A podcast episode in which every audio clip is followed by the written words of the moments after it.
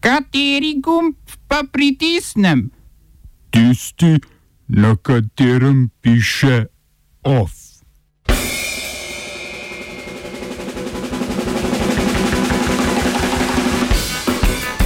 Na volitvah na nizozemskem zmagala stranka premija Marka Ruteja. Turško tožilstvo zahteva prepoved prokurdske stranke HDP.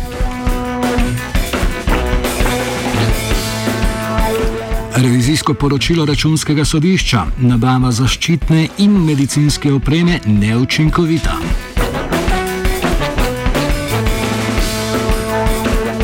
V kulturnih novicah vibracije čakanja, intermedijska razstava Anžeta Severja v celju.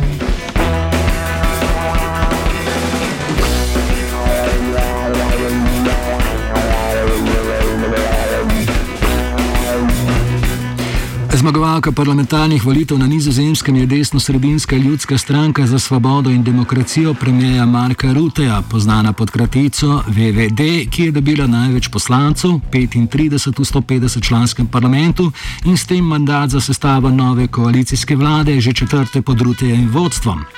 S 24 poslanci se je na drugo mesto zavihtela levo-sredinska stranka D66, ki jih je s 17 poslanci sledi desno svo, eh, sre, svobodnja, desna svobodnjaška stranka Gerta Wildersa.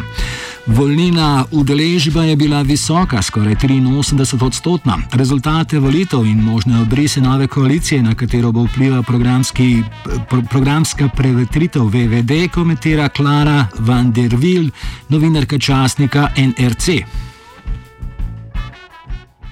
Uh, well, when you when you look at the party program that they presented before the election, then you see a, a, a clear shift to the left. So uh, more of a state role in the economy, and of course that is due to the COVID crisis as well, because well, lots of funds have been uh, organized to to support people uh, through the crisis. So um, well, what's interesting in the election result is that um, the um, the, the liber- another liberal party, D66, has uh, gained uh, lots of seats as well, and they are more of a left wing liberal party. So um, I, I, would say that probably uh, the VVD, so the party of Mark Rutte, and, and this left-wing uh, liberal uh, party are going to work together. And whether the Christian Democrats will, will join them, that is still unclear. Uh, but I think you will see some changes in, in the Dutch government um, for the coming years.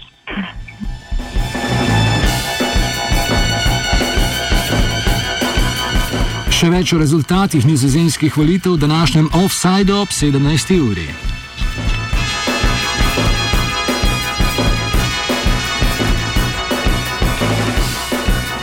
Vrhovni državni tožilec Turčije je na ustavnem sodišču vložil tožbo, s katero zahteva prepoved prokurdske demokratične ljudske stranke, krajše HDP. Naj spomnimo, da ima Turčija obsežno zgodovino preganjanja prokurdskih ter drugih strank, za katere meni, da so grožnje vladajočemu sistemu. Zavezniki stranke za pravičnost in razvoj predsednika Ređepa Tajipa Erdoana so zahtevali prepoved demokratične ljudske stranke zaradi domnevnih vezi z militantno skupino kurdistanske delovske stranke. HDP, ki ima 55 sedežev v 600-članskem parlamentu, sporoča, da so tužilci ravnali v skladu s političnimi ukazi in vladajoči stranki AKP odčita, da uporablja svoj vpliv na sodišče za oblikovanje domače politike. Poleg tega zanika kakršno koli povezavo s kurdsko militantno skupino.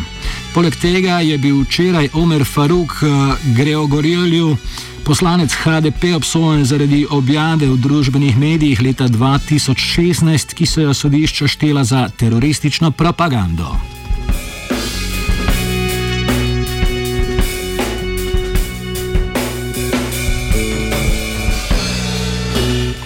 Generalni sekretar Organizacije Združenih narodov Antonijo Guterres je za svojega posebnega odposlanca za Afganistan in regionalne vprašanja imenoval francoskega diplomata Žana Arnuja.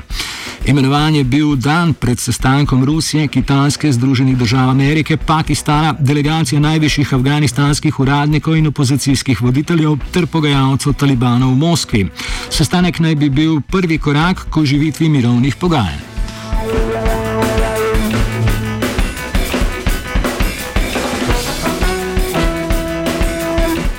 V 61. letu starosti je umrl tanzanijski predsednik John Mogufuli. Uraden vzrok za njegovo smrt so težave s srcem, a opozicija trdi, da je pravi razlog okužba z novim koronavirusom, čeprav so v njegovem uradu te navedbe zanikali. Magofuli je zanikal obstoj novega koronavirusa in ni želel sprejeti zaščitnih ukrepov.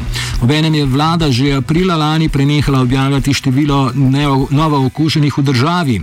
Magofuli, ki je bil na predsedniški položaj prvič izvoljen leta 2015, je bil deležen številnih priznanj za razširitev dostopnosti brezplačnega izobraževanja in ulaganje v infrastrukturne projekte.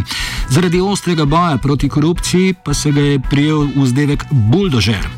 V skladu s tanzanijsko ustavo bo predsedniško funkcijo do izteka petletnega mandata, ki ga je Mogofuli nastopil lani, upravljala podpredsednica Samija Soluhu Hasan, ki bo tako postala prva ženska na tem položaju podlegają zgodowieni države.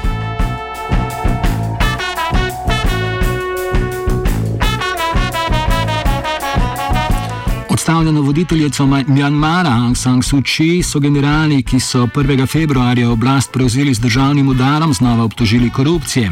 Vojska je zvečer po televiziji predvajala posnetek mjanmarskega poslovneža, ki je priznal, da je Nobelovi nagrajenki za mir iz leta 1991 v kar nekaj letih izplačal več kot 400 tisoč evrov. V odziv je njen odvetnik Kim Wang Zhao sporočil, da so obtožbe neutemeljene in da jim večina ljudi v Mjanmaru ne bo nasedla. Medtem na mjamarskih ulicah še vedno potekajo množični protesti, vojska pa še naprej omejuje dostop do interneta.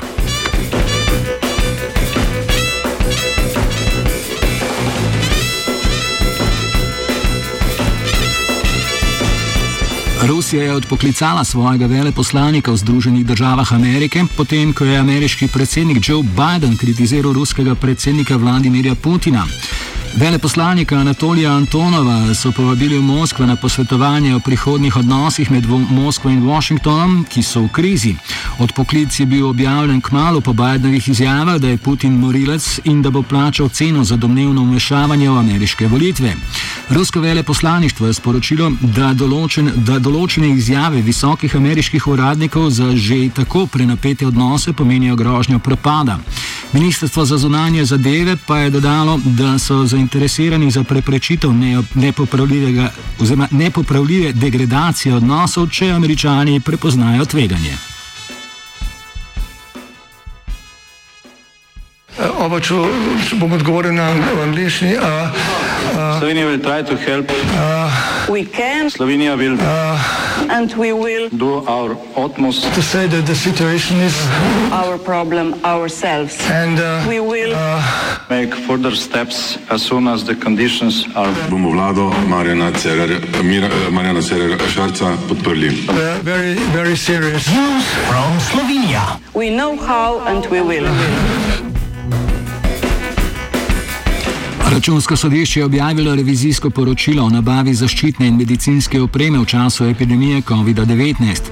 V njem ugotavlja, da kljub upoštevanju izrednih razmer vlada Ministrstva za zdravje, gospodarski razvoj in tehnologijo ter obrambo, pa tudi Zavod za blagovne rezerve v obdobju od začetka lanskega leta do izdaje osnov, osnutka revizijskega poročila decembra lani niso učinkovito izvedli nabave omenjene opreme. Kot so zapisali na računskem sodišču, vlada, ministrstva in zavod niso bili učinkovito organizirani, zato postopki javnega naročanja niso bili izvedeni v skladu z načeli transparentnosti, učinkovitosti in enakopravne obravnave ponudnikov. V, v nekaterih primerjih pa so bili izvedeni tudi v neskladju s predpisi in drugimi akti.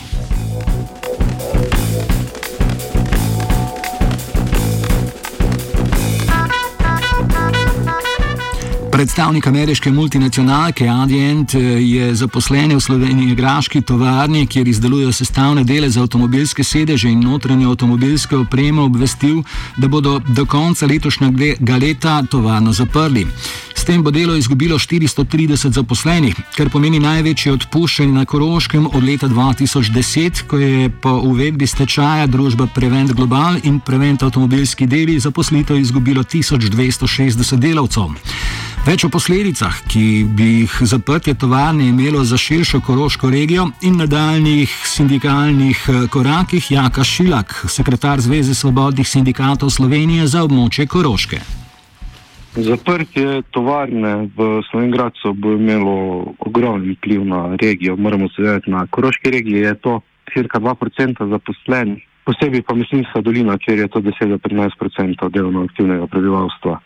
In uh, tu bo velika socialna bomba zopet za Mislinsko dolino, ki si je komaj pomogla od uh, velikih odpuščanj pred desetimi leti v preventu. Uh, sindikat bo poskušal nekako storiti vse, da pripriča lasnika naj le vendar ostane tukaj in nadaljuje za proizvodno. Saj uh, vemo, da podjetje ni bilo v rdečih številkah, da je pač to neka taktna odločitev lasnikov, da preselijo zadevo nekam drugam in uh, se nikako ne moremo strinjati z tem.